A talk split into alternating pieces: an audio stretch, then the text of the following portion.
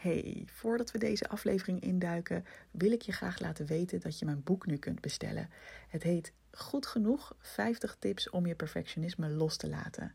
En je kunt het bestellen via evelienbijl.nl/slash boek. Ik ben super benieuwd wat je ervan vindt. Veel plezier met de podcast. En misschien herken je dat ook, dat je ergens hoopt dat, dat iemand wel ziet dat jij zo hard je best aan het doen bent. Of hè, dat je zo graag eh, iets wilt. Um, of iets anders zou willen, maar dat je zelf niet een keuze durft te maken. En dat je gewoon heel erg hoopt dat iemand anders tegen je zegt: Volgens mij moet je die richting op. Ik denk dat dat de goede weg is. Welkom bij de Perfectionisme Podcast. Mijn naam is Evelien Bijl en als ex-perfectionist help ik je graag op weg naar een relaxter en gelukkiger leven door minder streng voor jezelf te zijn. Mijn motto voor jou als je vaak gestrest of onzeker bent hey, je bent niet gek en je bent niet alleen. Veel luisterplezier.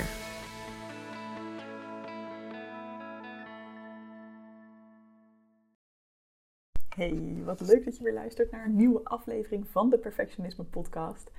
En ja hoor, I'm late to the party, maar ik ben ingestapt. Ik kijk tegenwoordig ook het programma Kijken zonder kopen. ik weet niet of het een programma is dat jij kent. Ehm, voor iedereen die het niet kent, het staat op Videoland. En het idee ervan is dat, dat een stel, tenminste tot nu toe heb ik drie afleveringen gezien waarin het om, het, om een stel ging. Een stel geeft de, uh, de aankoop van een huis volledig uit handen. Dus het zijn mensen die vaak al een tijdje op zoek zijn, maar het lukt niet helemaal naar hun droomhuis. Ehm, en zij geven dan een makelaar en een aannemer uh, ja, volledig via de notaris, zeg maar, um, beschikking over het budget dat zij hebben. En die makelaar koopt vervolgens een huis voor hen aan zonder dat zij het ooit gezien hebben. En dan gaat vervolgens de aannemer ervoor zorgen dat, er, dat het verbouwd wordt uh, naar hun smaak. Maar ook daarin hebben ze, hè, ze hebben wel één keer overlegd natuurlijk van tevoren. Wat voor huis zoeken jullie en waar? En wat, uh, wat voor inrichting vinden jullie mooi? Maar tijdens het proces worden ze er niet meer in betrokken. Dus uiteindelijk krijgen ze gewoon letterlijk het huis te zien dat ze gekocht hebben. En uh, ja, dan moet je er maar, maar blij mee zijn. Of niet. Nou, ik vind het een heerlijk concept. Ik hou van reality TV en, en dit is wel, wel een heel leuk concept natuurlijk. Um, maar ik zag een aflevering van een stel uit Rotterdam. En daar, die zeiden iets waarvan ik dacht, oeh, dat voelt voor mij als iets wat ik ook bij veel perfectionisten hoor gebeuren. Dus ik ben benieuwd of jij hier iets van herkent.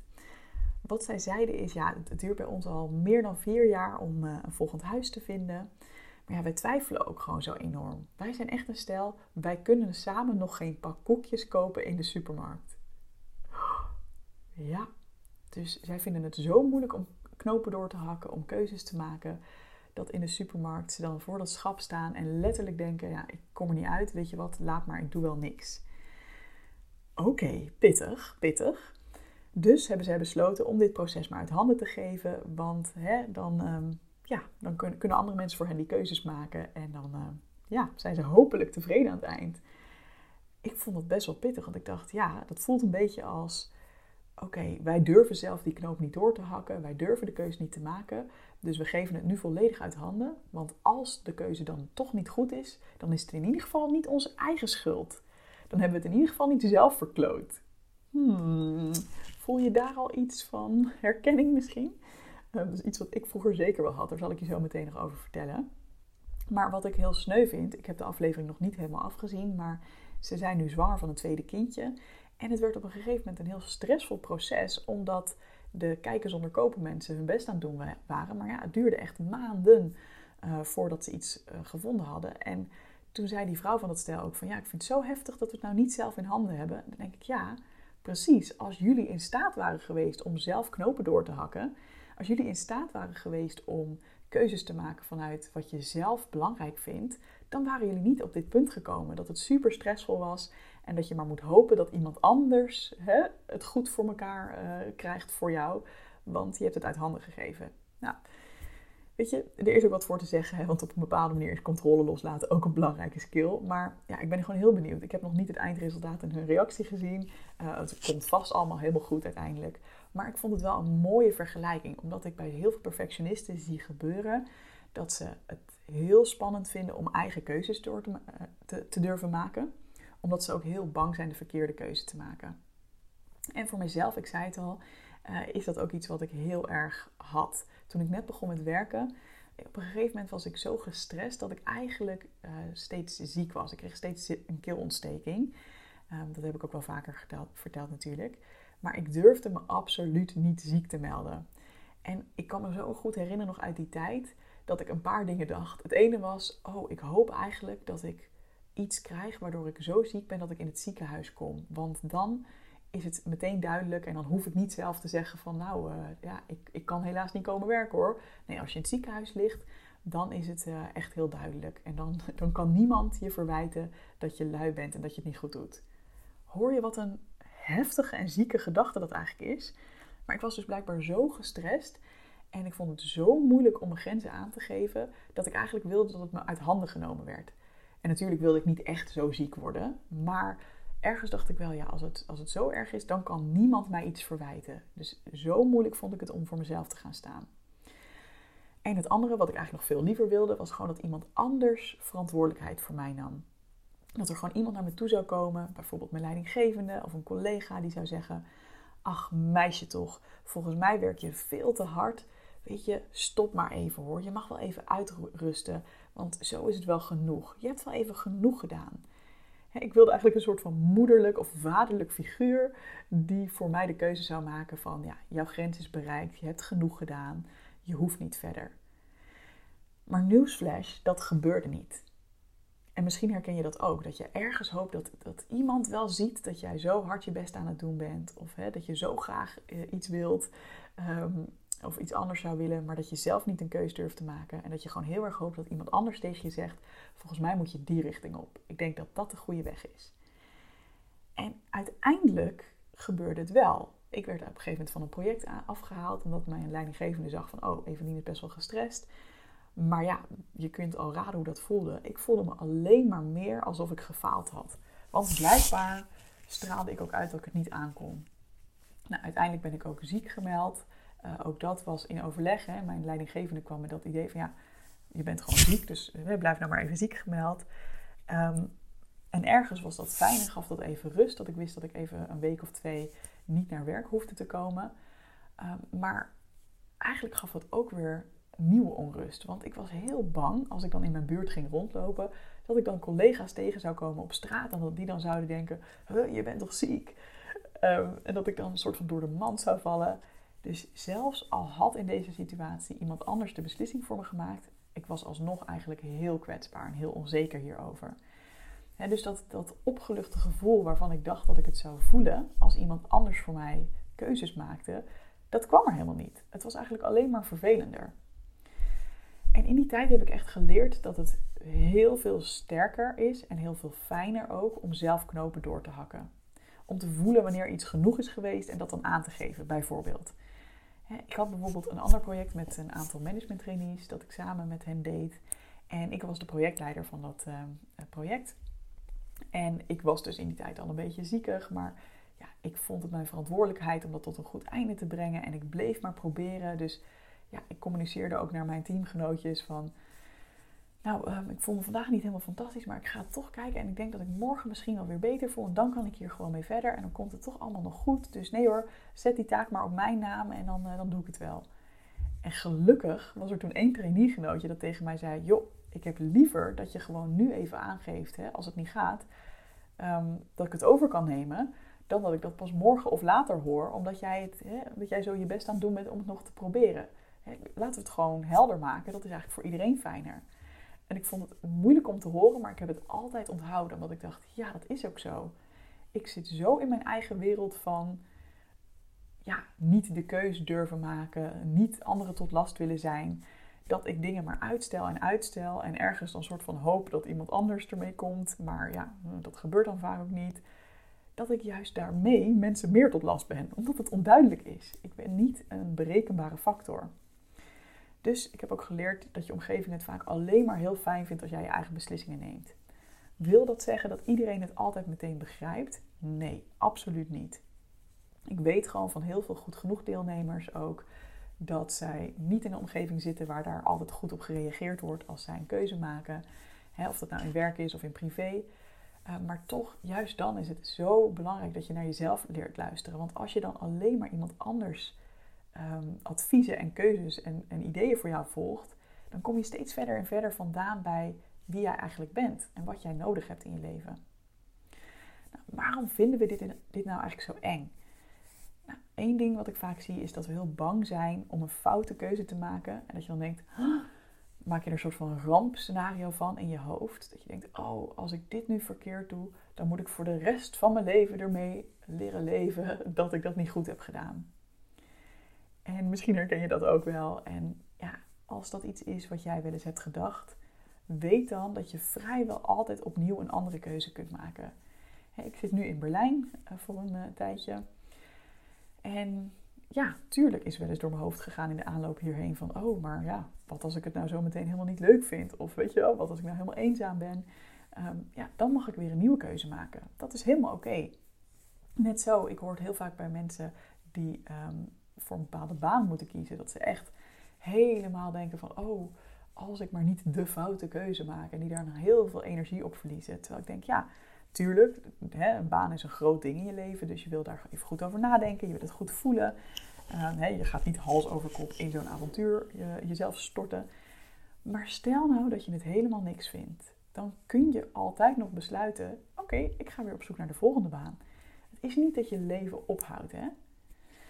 Nou goed, dat is natuurlijk makkelijker gezegd dan, uh, uh, dan gedaan. En dat gaat ook heel erg over: heb jij het zelfvertrouwen dat jij dit aan kan? En dat is natuurlijk ook iets wat wat we in goed genoeg aan mensen leren. Hè, om gewoon echt steady in jezelf te kunnen, ja, op jezelf te kunnen bouwen en op jezelf te kunnen vertrouwen. Ook wanneer dingen even niet zo gaan als je wil. Maar één ding kan ik je sowieso vertellen. Als je de rest van je leven keuzes blijft uitstellen omdat je bang bent dat de keuze fout is, ja, dan heb je waarschijnlijk een moeilijker leven dan dat je wel knopen door durft te hakken. En dan gaat bijsturen als je merkt, oh, dit was het toch niet helemaal. Oké, want dan heb je weer informatie gekregen. Maak je die keuze niet en blijf je het maar uitstellen, dan krijg je ook geen nieuwe informatie over de volgende stap en wat er wel en niet goed bij je past. Keuzes maken levert altijd informatie op. Oké, dus waarom vinden we het zo eng? Enerzijds, je bent bang om een foute keuze te maken, dus stel je het maar uit. En anderzijds, ja, we komen er in elke podcast bijna wel op terug, is dat we vaak ook heel bang zijn om veroordeeld te worden. Ja, dit is echt iets wat vrijwel alle perfectionisten hebben. En het is ook heel logisch en een heel basic menselijk gevoel. Maar gelukkig kun je dat wel echt een stuk meer leren loslaten. stel je voor dat je keuzes zou durven maken zonder dat je, al, zonder dat je de tijd denkt van... oh, en wat vinden anderen daarvan? En dat je gewoon ongeacht de meningen van anderen toch voor jezelf durft te gaan. Hoe zou dat voelen? En ik heb een voorbeeld van afgelopen weekend. Want uh, ik heb het op de Even Business podcast al over gehad. Die, uh, dat, die aflevering heet Gemiste kans in sales. En daar vertel ik over dat ik een CrossFit uh, introductieles ging doen. Ehm, nou, ik zal niet het hele verhaal opnieuw vertellen. Als je het interessant vindt, kun je dat daar luisteren. Maar wat er op een gegeven moment gebeurde is dat ik had de donderdag ervoor al getraind met mijn oude personal trainer. Ik had op de zaterdag getraind met een potentiële nieuwe personal trainer. En op zondag deed ik een introductieles. En ik wist ook, het is niet keihard uh, trainen, want het is ook gewoon hè, dat iemand je wat vertelt over CrossFit. En je een beetje de, de gym laat zien, de box zoals dat daar heet. Um, en er zullen wel wat oefeningen zijn, maar ik dacht, nou prima, we gaan het wel zien. Maar mijn knieën zijn best wel gevoelig. Dus toen we een paar oefeningen hadden gedaan in die CrossFit les, voelde ik, oké, dit is even genoeg. Het begint een beetje pijn te doen. En ik heb inmiddels geleerd dat ik daar goed naar moet luisteren. En in plaats van dat, hè, want ik legde dat even kort uit. En in plaats van dat die, die trainer, die eigenaar van die gym, zei: Oh ja, heel goed, goed dat je naar jezelf luistert. In plaats daarvan zei hij: Oh, huh? Maar je wilde misschien vanaf morgen meedoen aan de cursus hier. Hoe ga je dat dan doen als je, de last, als je nu al last hebt van je knieën? Echt een beetje met zo'n oordeel erin, weet je wel. Nou, echt 100% zeker dat ik vroeger daardoor van de wijs gebracht zou zijn. Sterker nog, vroeger had ik het waarschijnlijk niet eens durven zeggen. Of misschien had ik dan iets gezegd van, oh, ik heb een beetje last van mijn knieën hè, van tevoren. Ik ga even kijken hoe het lukt. Maar als hij vervolgens daar niet meer naar had gevraagd, was ik gewoon doorgegaan. En had ik gewoon die hele les afgemaakt. En 100% zeker was ik dan weer geblesseerd geraakt. En had ik een paar weken moeilijk kunnen lopen. Omdat ik niet naar mezelf durfde te luisteren en zou denken: deze man weet dat ik last heb van mijn knieën, want ik heb het gezegd. En toch gaan we door. Ja, nou ja, dan, eh, dan moet het maar. En nu dacht ik echt, ja nee, je kan me zeggen wat je wil, maar ik kan er ook van vinden wat je wil. Ik ken mijn lijf, ik ga gewoon aan de kant staan nu. En dat is gewoon wat er nu nodig is. Dus ja, ik had nog steeds veel liever gehad dat hij had gezegd van... Tuurlijk, ga jij maar lekker aan de kant zitten. Ik snap het helemaal. Dat is de juiste keuze voor jou. Maar ik ben super blij dat ik dat niet meer nodig heb om nu de juiste keuze voor mezelf te maken. Ik herinner me namelijk nog dat ik voor het eerst met een personal trainer ging, ging trainen. Dat was trouwens ook een crossfit meneer, dus misschien zit daar ook een soort van mentaliteitsdingetje.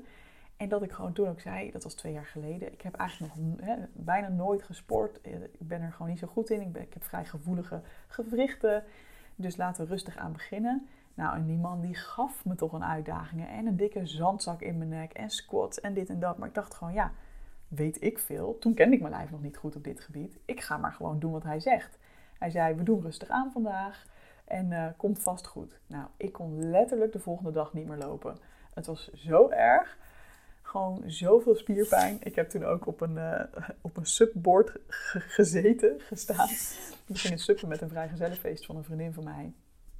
En ja, ik moest letterlijk teruggesleept worden het tweede half uur door de, uh, door de instructeur, zeg maar, de instructrice. Want ik kon niet meer. Mijn spieren waren zo overbelast. En dat had ik toen uiteindelijk ook aan die, uh, die trainer uh, laten weten. Nou, spoiler alert, ik ben niet bij hem, met hem in zee gegaan. En toen had hij allemaal dingen opgezocht van, oh ja, je had het over je gewrichten en dat jij dus een beetje hypermobiliteit hebt. Oh ja, ik heb het nog eens opgezocht en ik zie dat je dan heel voorzichtig aan moet trainen. Dus misschien hebben we toch inderdaad een beetje te veel gedaan. Terwijl ik gewoon notabene dat heb aangegeven in die les. Ik had het ook van tevoren ingevuld. Ik zei ook, hey, ik heb het idee dat we best wel hard gaan. Nee, nee, komt allemaal goed meisje, weet je wel, stel je maar niet aan. En uh, nou, dat zei hij niet letterlijk, maar dat voelde ik wel van, oké, gewoon even doorpakken. Ja, dat heeft me wel een wijze les geleerd. Dat ik denk, niemand anders weet wat ik nodig heb qua, in, qua lichaam. Het geldt ook voor werk. Niemand anders, want ik heb ook vaker geprobeerd te luisteren naar wat andere mensen zeiden. Wat ik allemaal wel niet moest doen of hoe hard ik moest werken. Maar niemand zit in mijn lijf. Niemand kan voelen wat ik voel. Niemand weet wat voor mijn brein werkt. Ik ben de enige persoon die dat zo goed weet als ik. Um, en alleen mensen die mij misschien heel goed kennen, daarvan zou ik nog kunnen denken: oké, daar kan ik wel eens wat van aannemen of iets, iets proberen, weet je wel. Dus uh, nou, dat, uh, dat wat betreft mijn, uh, mijn lessen hierin. Nu even over naar jou. Geef jij ook wel eens keuzes uit handen? Heb jij ook wel eens situaties waarin je denkt: oh, ik wil gewoon dat een ander dit voor mij beslist? Of dat je merkt dat je zelf denkt: oh, nou, diegene zegt dat ik dit moet doen, dan zal dat wel goed zijn ja, laat, laat eens weten wat voor keuzes zijn dat, wat voor dingen. Um, ja, laat jij misschien wel eens over jouw grenzen heen gaan of durf jij niet zelf hardop uit te spreken hoe, hoe het zit en wat je nodig hebt. Hoe zou dat ook zijn voor jou als je dat wel helemaal zelf kon leren doen? En dan dus niet dat het is van, nou, het kan me geen reet schelen wat iemand ervan vindt. Want tuurlijk, we, zullen, we zijn mensen, we zullen het altijd belangrijk vinden wat anderen vinden, maar dat je er niet meer door laat tegenhouden. Hoe zou dat zijn voor je? Het kan natuurlijk ook zijn dat je juist wel eens een keer een spannende keuze helemaal alleen hebt gemaakt. Uh, en dat je daar misschien hartstikke blij mee bent. Dus laat het me weten. Ik ben super benieuwd. Ik vind het altijd heel leuk om dat van je te horen onder de Instagram post van deze week. Uh, maar het mag ook via de mail of op een ander platform. Hey, en heb je nou het gevoel dat deze podcast ook voor iemand anders interessant kan zijn? Dan zou ik het super waarderen als je dit met diegene deelt. Um, of dat je misschien een review achterlaat op bijvoorbeeld Apple Podcasts. En op die manier kunnen meer mensen lekker naar deze boodschap gaan luisteren. Hey, dankjewel voor het luisteren en graag tot de volgende keer. Hey, vond je deze podcast te gek? Check dan zeker even mijn online programma Goed Genoeg, speciaal voor perfectionisten. Want heel eerlijk, in je eentje kun je ook een heel eind komen met het loslaten van je perfectionisme. Maar als je meedoet aan dit programma, heb je alle tools in handen om veel sneller deze ontwikkeling door te maken. Ga naar doelgerichtecoaching.nl slash goed genoeg en wie weet zie ik je binnenkort.